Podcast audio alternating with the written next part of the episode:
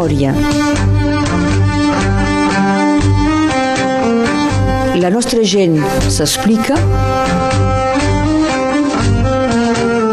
Berenguer Ballester. Soc a Perpinyà per fer memòria amb un home que molts podeu conèixer perquè ha estat un dels primers professors de català, un home que als 5 anys travessa la frontera de sud cap al nord amb sa mare per retrobar son pare que havia fet la retirada l'any 39. Passarà pels camps de concentració i per la vila Sant Cristofa de Canet. Gilbert Susagna, bon dia.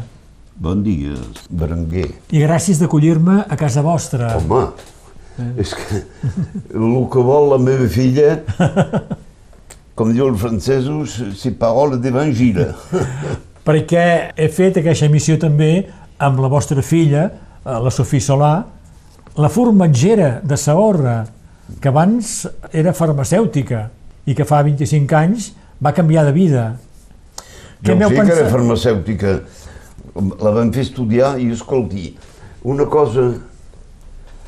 Eh, jo recordo quan la meva filla tenia la farmàcia amb, eh, amb el seu soci, el senyor Boé. A Prada? A Prada.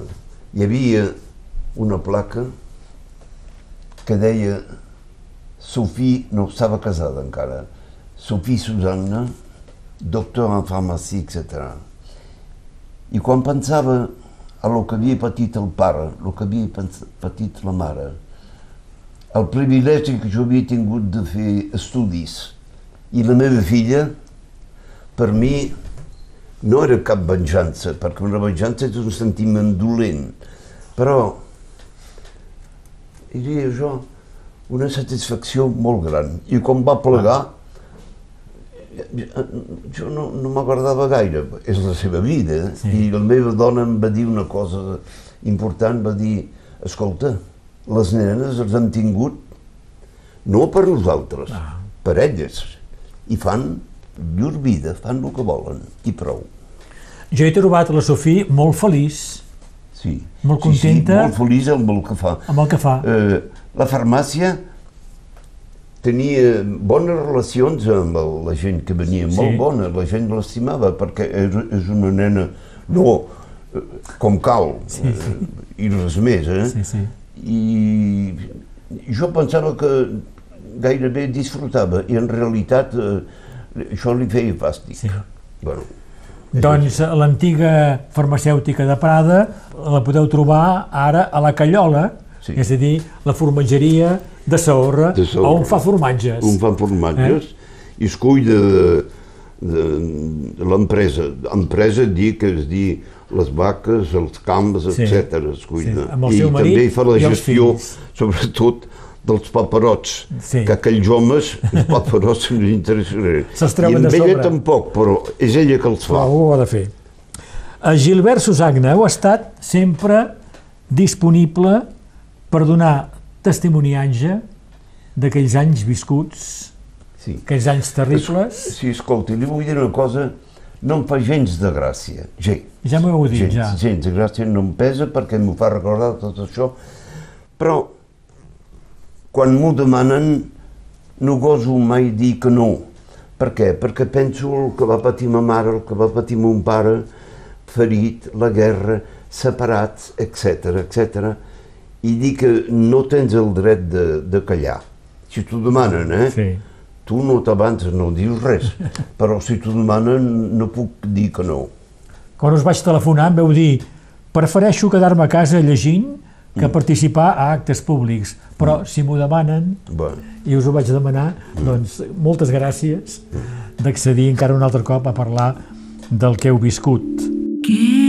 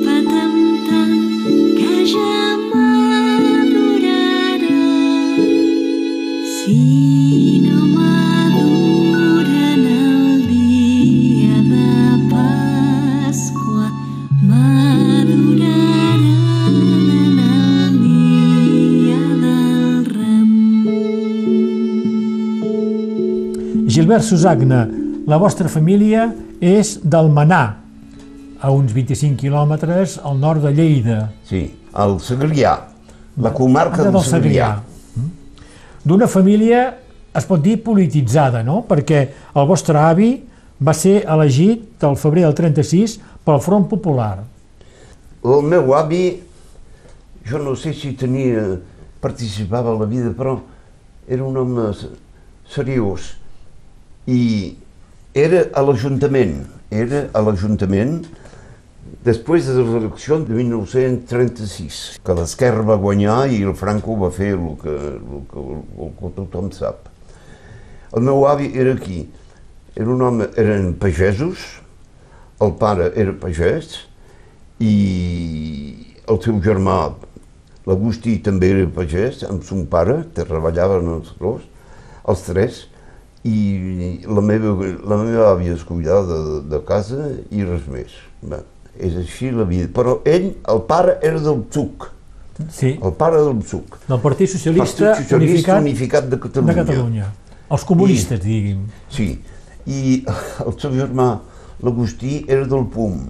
I Ah. jo, em- em recordo que deia l'avi, de tant en tant hi ha, hi ha cada discussió que val un real, diu, eh? Perquè entre el PSUC i el PUM va haver-hi Sí. confrontacions eh, Sí. fortes, eh? I el vostre pare, el Francisco, treballava a l'Ajuntament d'Almenà. Llavors, treballava a l'Ajuntament, com era pagès, es cuidava de coses pageses. És a dir, del regadiu amb la segleta, etc. Eh, dels cavalls sementals que venien al poble, perquè en aquell temps no hi havia tracció mecànica. Clar. Només la gent feien totes les obres, tot el treball amb els animals. I per tenir animals de bona, bona condició, feien venir els sementals de l'Estat i es quedaven al poble, segons el meu poble, tres o quatre mesos i s'havia de cuidar aquests animals ben bé. I ho feia el vostre pare, això? Sí, ho, fa, ho feia el pare. Bueno, ho feia el pare, Sí, sí. hi havia dia d'altres, Ah, eh, el pare, per això. D'acord. Jo, jo ho dic perquè el pare m'ho va dir, res Sí, més, sí, eh? sí. No ho sé. I la vostra mare, la Manolita, ho veurem després, va ser una dona amb iniciatives, amb caràcter, i a Almenà va crear la primera perruqueria del poble.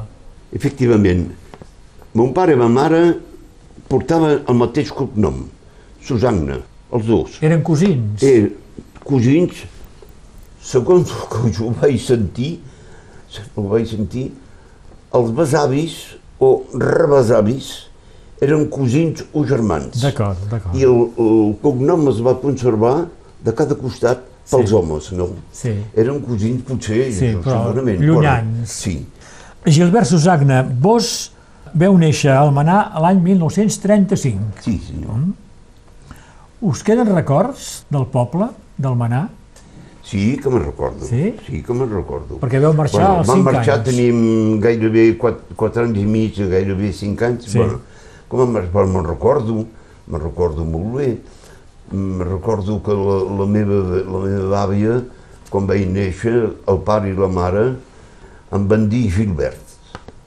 Vostè sap que ases, Josep Santons i ases n'hi ha per totes, Totes les les cases. cases. I la meva iaia això no li agradava. I, em, I sempre em deia, quin no macho de posar-te, fill meu. La padrina et dirà sempre Josepet. Josepet? Sap, bueno, la perruqueria li va posar el meu avi de Barcelona, que tenia una empresa de transport. I quan es va casar la filla amb el meu pare, li va posar la perruqueria, la primera del, la primera del, del, del poble, eh? L'any 36 esclata la guerra, Franco s'ha sublevat contra la república i el vostre pare se'n va al front. de seguida. El mes de, el, el principi de, al principi d'agost va marxar. Va marxar al principi d'agost amb els milicians del TUC. Va ser Ben- voluntari, doncs. Sí. Ben aviat van ser integrats a l'exèrcit republicà. I va participar a dues de les batalles eh, més fortes, la de Madrid i la batalla de l'Ebre. També, sí. A Madrid va ser ferit greument a un pulmó. Segons ell m'ho explicava, m'ho va dir la mare. Un francotirador, no sé com es diu en català, Un franctirador. li va tirar, li va tocar el pulmó Ah. i el van curar un parell de mesos i després va tornar al front. Va tornar. El que va fer és que era l'infanteria, va passar eh, transmissions. I el 39 fa la retirada, Sí, passant per Parets de Molló, sí. i el porten al camp del Barcarès. El primer, el camp de... El pare era comissari.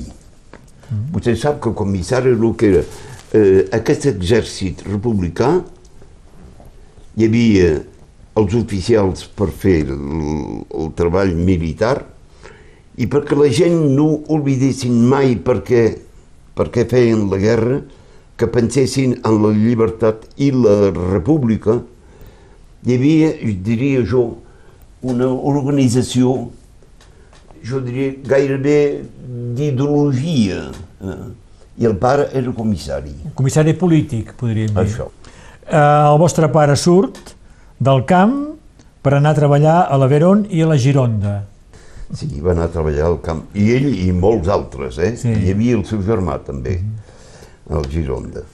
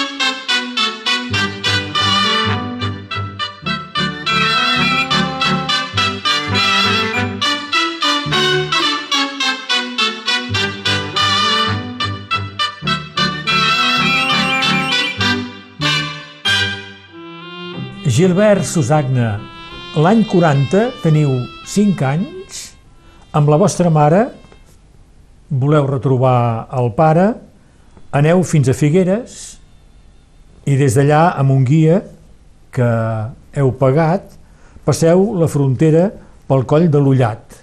Sí, exactament. La mare, a pesar de, de les penes, a pesar de que el meu avi patern, per ser membre de l'Ajuntament, el van fotre a la presó a Lleida, on es va quedar entre dos i tres anys. A pesar de que els franquistes, segons la mare, eren navarresos requeters, li van trencar tota la botiga, li van trencar tota la botiga, van trencar tot, tot, tot, tot. I les penes eh, no tenia més que una idea. Tenia una idea, és marxar a França i reunir-se amb el seu marí. És el seu pare, el meu avi de Barcelona, que va trobar el guia a l'Empordà, no sé si a la Junquera o, o, per, o al Figueres, el va pagar i aquest senyor ens va acompanyar. Vam pujar a peu, era al principi de, de 40, no sé si era el gener, febrer o març, vam passar, potia un fred que pelava. I Veu anar passar... a peu des de Figueres a peu, sí, sí, de, fins a la frontera. Sí, sí, clar. Això va durar, em sembla, 3 o 4 dies. Eh, el, el dia dormíem d'amagat i la nit caminàvem una miqueta, la mar devia portar, jo també era, caminava, etc. Bon, i vam arribar a Sant Genís de Fontaine. Sí. He mirat, Gilbert Susagna, he mirat a, a internet, a Google Maps, el trajecte Figueres, Coll de l'Ullat, Sant Genís de Fontanes, són 43 quilòmetres. En situació normal són 10 hores caminant. Sí, van caminar moltíssim, van caminar Clar. moltíssim, eh, però i també d'amagat. Però li vull dir una cosa. Sí. Eh, jo no vaig tenir mai, i la mare tampoc m'ho va explicar ella, el sentiment de que això podia perillar. No? No teníeu no. por? I jo penso una cosa. Penso que el guia, el guia, en aquell temps on hi havia pocs diners, devia tenir un contacte amb els guàrdies civils i els carabiners, i devia sí. impartir la, la pasta sí. que li donava. Jo, això és el meu sentiment. Sí. No hi ha res, res sí. que pugui demostrar que era així, eh? però això és el meu sentiment. D'acord. Doncs hi poseu tres dies per arribar fins sí, a Sant sí, Genís. Sí, sí, sí, Genís de Fontaine. I quan arribeu a Sant Genís, sé que els gendarmes requisen a la vostra mare els diners i les joies que portava. Efectivament, efectivament. Els van tancar al calabós, Érem quatre, érem quatre persones, eh, que, que dia. Una altra senyora amb el seu fill que tenia set anys i jo que en tenia gairebé cinc.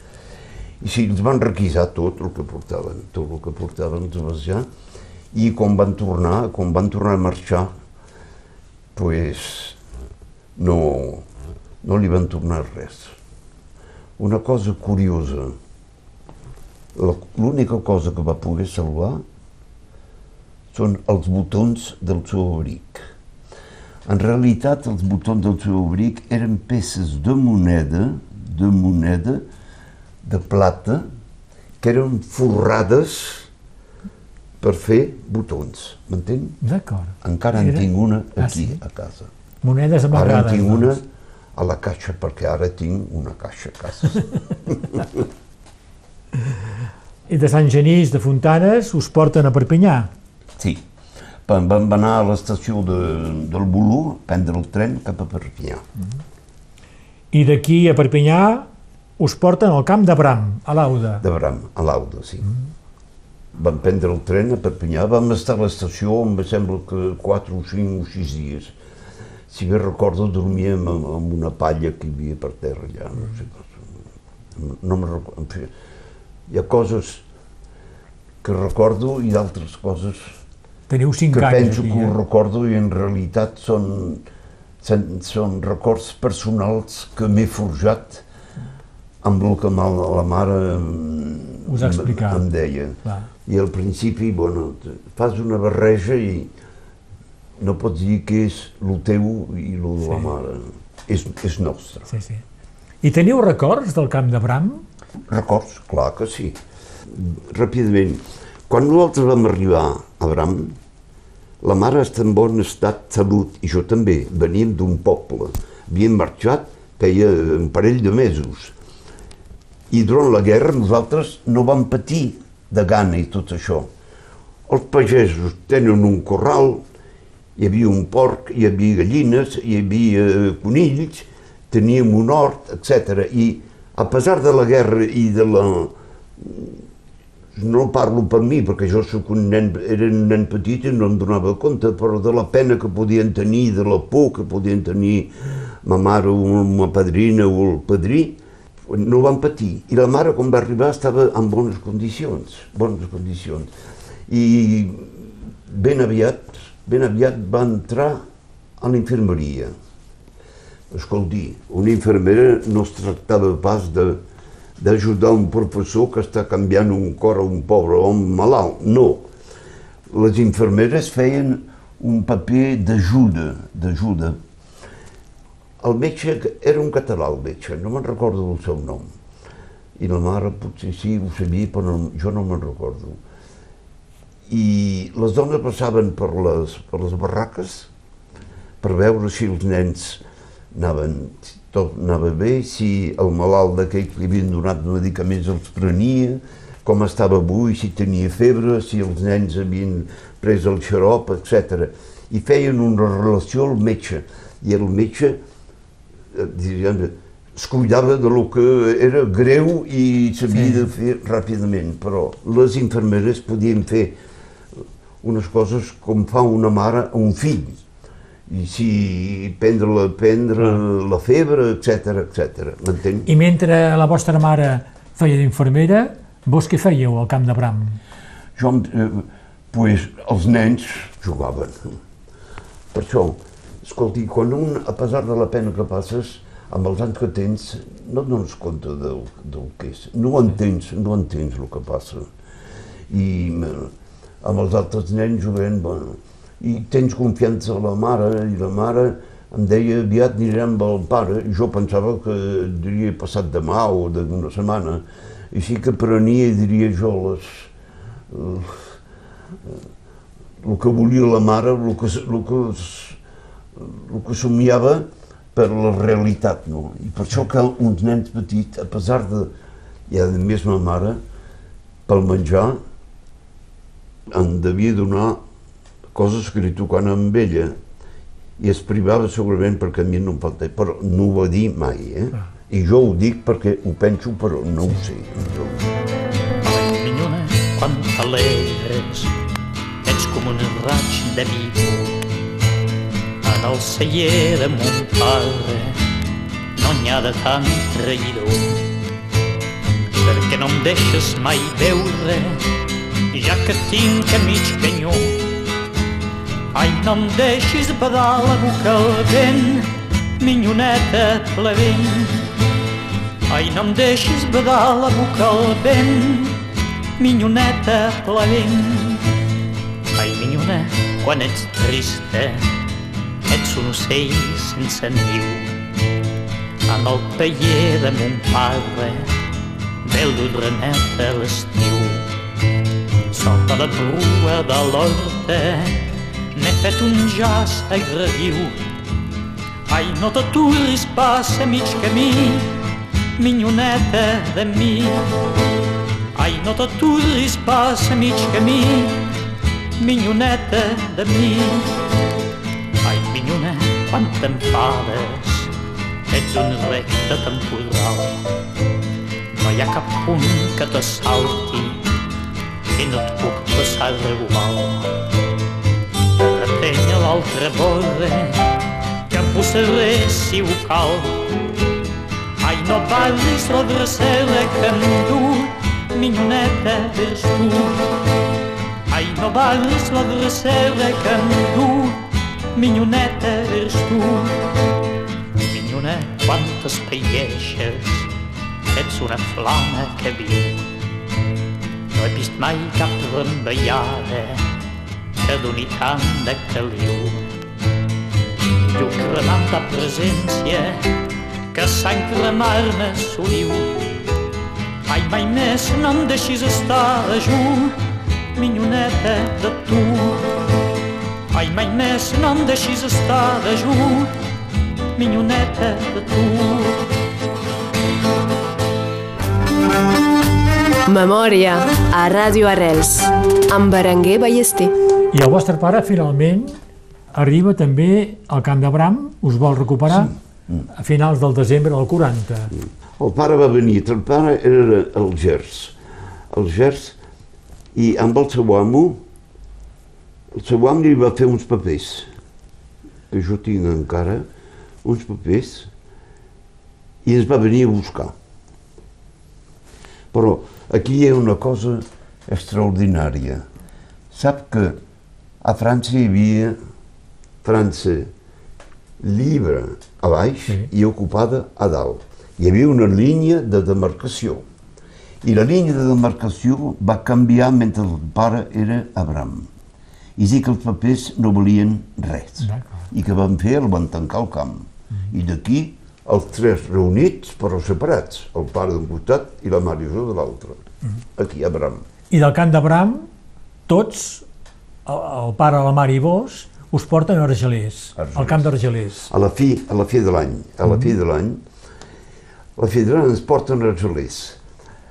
Eh, vam marxar amb el, el darrer comboi, amb, amb el comboi sanitari, és a dir, que la gent va marxar amb el tren, però els que estaven a la, a la infermeria, que estaven malalt, etc, que no podien caminar, els van portar. I la mare va demanar al, al metge si hi havia gent, homes que portaven, no? i, i si podia venir el, el seu marit, que era de l'altra banda. El metge li va, em va parlar a les autoritats, li van dir que sí, i durant dos, un parell de dies vam veure el pare. Ah. Eren molt contents. Vam arribar a Argelers. Això a la fi de l'any, perquè Bram va tancar el 40, 40, finals a la fi de l'any. Sí, sí. I a Argelers seu separats també, amb el sí, pare. sí, sí, el eh? pare i la mare separats. Jo amb la mare sempre. I aquí, al camp d'Argelers, sé que la vostra mare, la Manolita, que és cosidora, a més a més d'infermera, comença a treballar pels quàquers, no?, aquí a Argelers. Efectivament, no podia anar a l'infermeria. L'infermeria de Gelers no es posava pas a ma mare, estava organitzada i, bueno, i prou. I com que cosia ma mare, ma mare sabia pentinar, sabia cuinar, sabia... Bueno, això ho havia après a Barcelona. Les noies, en aquest temps, no estudiaven. Inclús en les cases burgeses, com era el meu avi. El meu avi, el 35, tenia telèfon i tenia cotxe. I doncs la mare sabia cosir i va anar al costurero. Que els quàquers havien organitzat el camp quar- d'Argelers, els eh? quàquers. Els quàquers eren dirigits per una dona extraordinària que es deia Marie Elms. Era una irlandesa que parlava castellà i per això va anar d'Irlanda a Espanya perquè el seu, la societat per qui treballava tenia interessos a Andalusia amb la producció de cobre i d'altres metal, metalls. I ella era allà quan va estallar la guerra i de seguida va veure la misèria que tenien la gent que fugien de la guerra. I va, va entrar els quàquers, els quàquers, que eren. Els quàquers són eh, protestants americans, però tenen, diria jo, una ideologia de pau i de, no sé com diria, de pau i d'amistat entre la gent. Sí. I quan veien això, els quadres americans van donar diners i van enviar gent a, la, a Espanya Ah. per, a- per ajudar a la gent que eren... El que es diu avui l'activitat humanitària ho feien en aquell temps els quàquers. Canta el miner al fons el seu gran forat de dia o nit tant li fa. Jo sento el clam que ressona la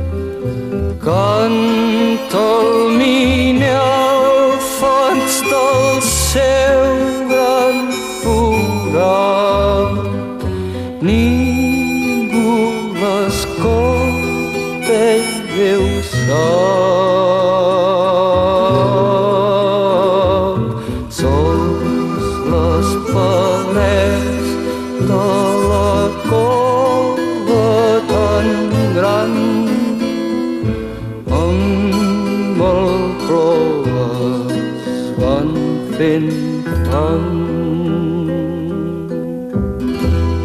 Gilbert Susagna, recordaré que passeu la frontera, veniu de Figueres caminant amb la vostra mare fins a Sant Genís de Fontanes, quan teniu 5 anys.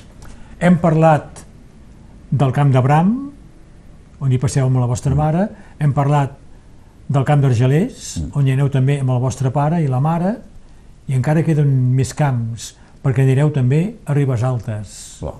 Us porten a Ribes Era Altes. al camp, la meva mare tenia molt bones relacions amb la Marie Elms.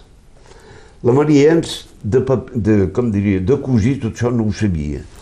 I una cosa que em sembla que no he explicat gairebé a ningú, m'ho va dir la mare, quan la Marie Elms, amb el seu cotxe, anava a comprar el material pel, pel costurero, fil, agulles i tot el que sigui per cosir, ella no hi entenia res. I es portava la meva mare a Perpinyà Sortia del camp, doncs. i sortia amb ella, eh? Sí. només amb ella, Sí, i amb la seva responsabilitat sí.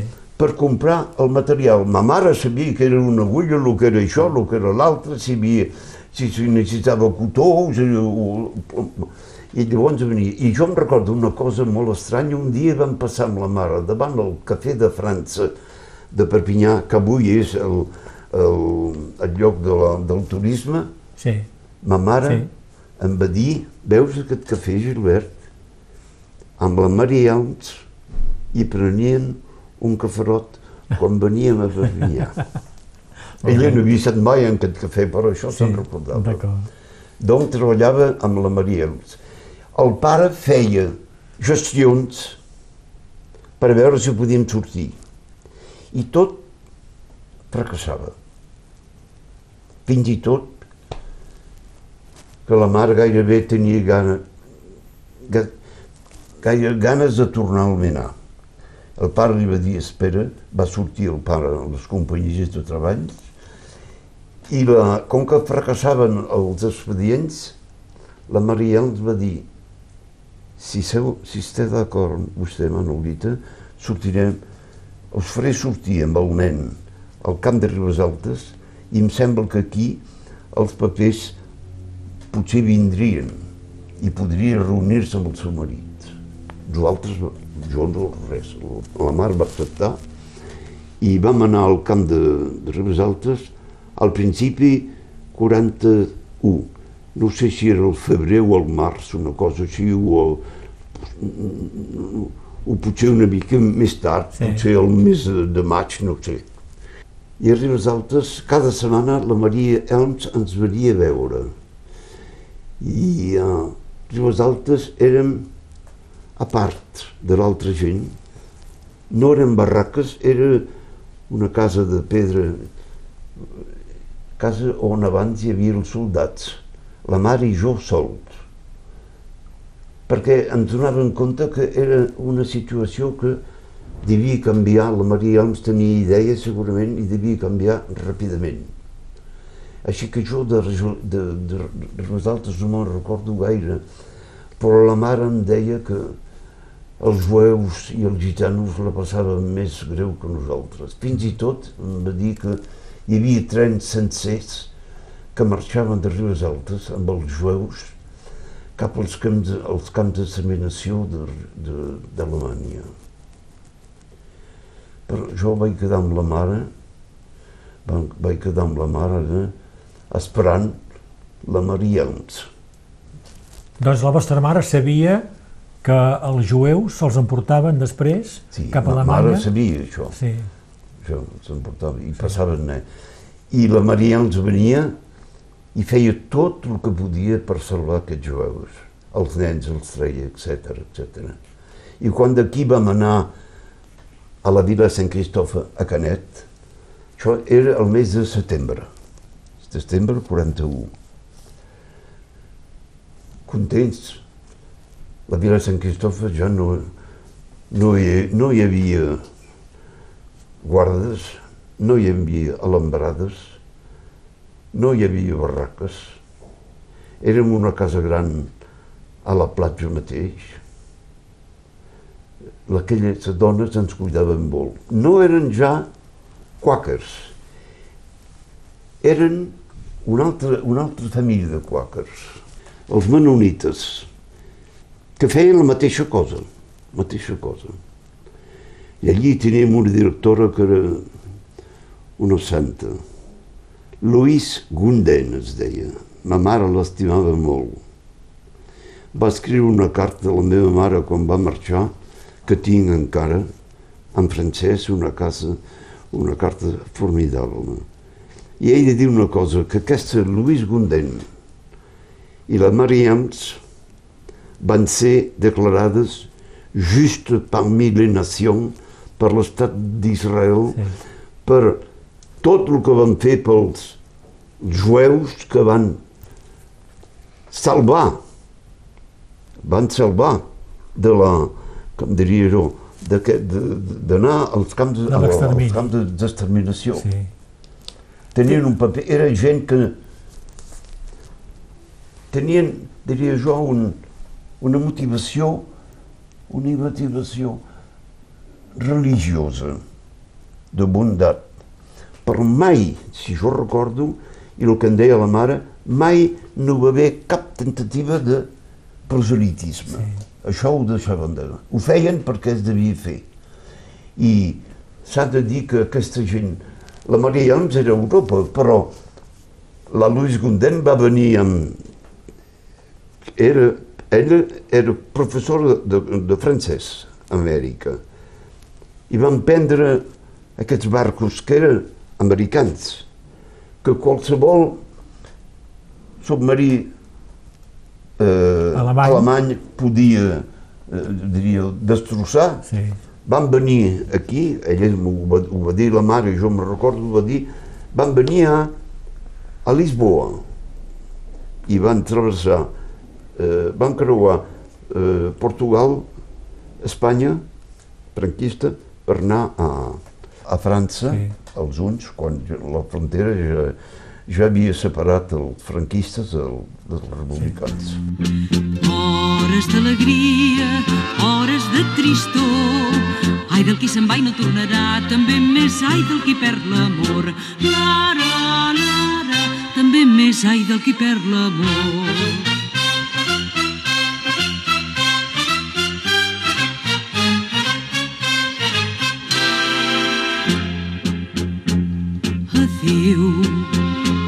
Rosa d'abril, Adéu, rosa encarnada, demà, lluny del teu roser, d'enyorament, me moriré. Quan te diran la meva fi, plora per a mi, que per tu ploro, plora per a mi, ben dolçament, és el teu plor. Aixuga el plor, no ploris gaire, que et marciria el pas de l'aire. No ploris gens, no ploris no, per tu i per a mi, jo que ja en sé bé puc plorar millor. Fins aquí la primera part de la memòria amb Gilbert Susagna. Sem a casa seua, a Perpinyà, un matí de novembre del 2022. Estem escoltant encara la sardana de Pep Ventura, per tu ploro, amb lletra de Joan Maragall, cantada per la Salomé, en un disc del 1971. Gilbert Susagna, amb la seva dona, han estat eh, sardanistes des que estudiaven a Montpeller i van entrar en contacte amb en Pere Comalada, que coordinava l'associació dels estudiants catalans de Montpeller. Ballaven en el grup dels estudiants catalans i, i la meva dona em va dir, com que ens veiem, dic, si anaven a ballar amb el Pere, jo sabia ballar sardanes, potser ens vindria a buscar al vespre i podríem anar. I vam, i vam anar, i vam anar, i vam ballar allí molt temps. Eh, Vam ballar sardanes i la meva dona li agradava molt. I a Perpinyà, després, quan es va jubilar, tenia més temps, anàvem els dos amb un grup de, de, de sardana. I jo, Maria de les Trenes m'ha agradat sempre molt i Porto Ploro encara més. Hem escoltat també, perquè ell ho ha volgut, la cançó El noi de la mare, que ell recorda quan li cantava sa mare. També ha volgut una cançó del primer disc de la nova cançó nord-catalana editat el 1971, Minyona, de Reinaldo Díaz, que Gilbert Susagna considera la millor cançó d'amor feta a Catalunya Nord. Vaig escoltar Milloneta, que per mi és la cançó catalana d'amor de Catalunya Nord, la més bonica i que ningú no ha explicat mai. Un dia vaig tenir l'ocasió de parlar amb el Jordi Barra li vaig dir, Jordi Barra, Jordi, heu de canviar, i no, no ho va fer. És una minyoneta. Minyoneta, quan t'espalleixes, ets una flama que viu i no hi ha cap remballada que doni tant de caliu. És una cosa Sí. formidable. I Lluís Llach també. Sempre l'ha seguit, diu, i l'ha utilitzat a les seues classes de català. Lluís Llach que hauria volgut fer-lo venir a Escaró, on tenien una casa, sobretot a cantar el cant miner que hem escoltat. Hem de seguir encara la trajectòria de Gilbert Susagna, després dels camps d'Abram, d'Argelers, de Ribes Altes i de la vila Sant Cristofa de Canet, tota la família, mare, pare i ell, finalment es retroben als Gers. Temps després s'instal·len a Perpinyà, el pare i la mare ajuden els presos polítics tancats a les presons franquistes, ell serà professor d'espanyol al Liceu Aragó, Jean Liursà, al Col·legi Pons i també serà professor de català. Ho explicarà a la segona part de la seva memòria que podreu escoltar demà a aquesta mateixa hora. Memòria. La nostra gent s'explica. Berenguer Ballester.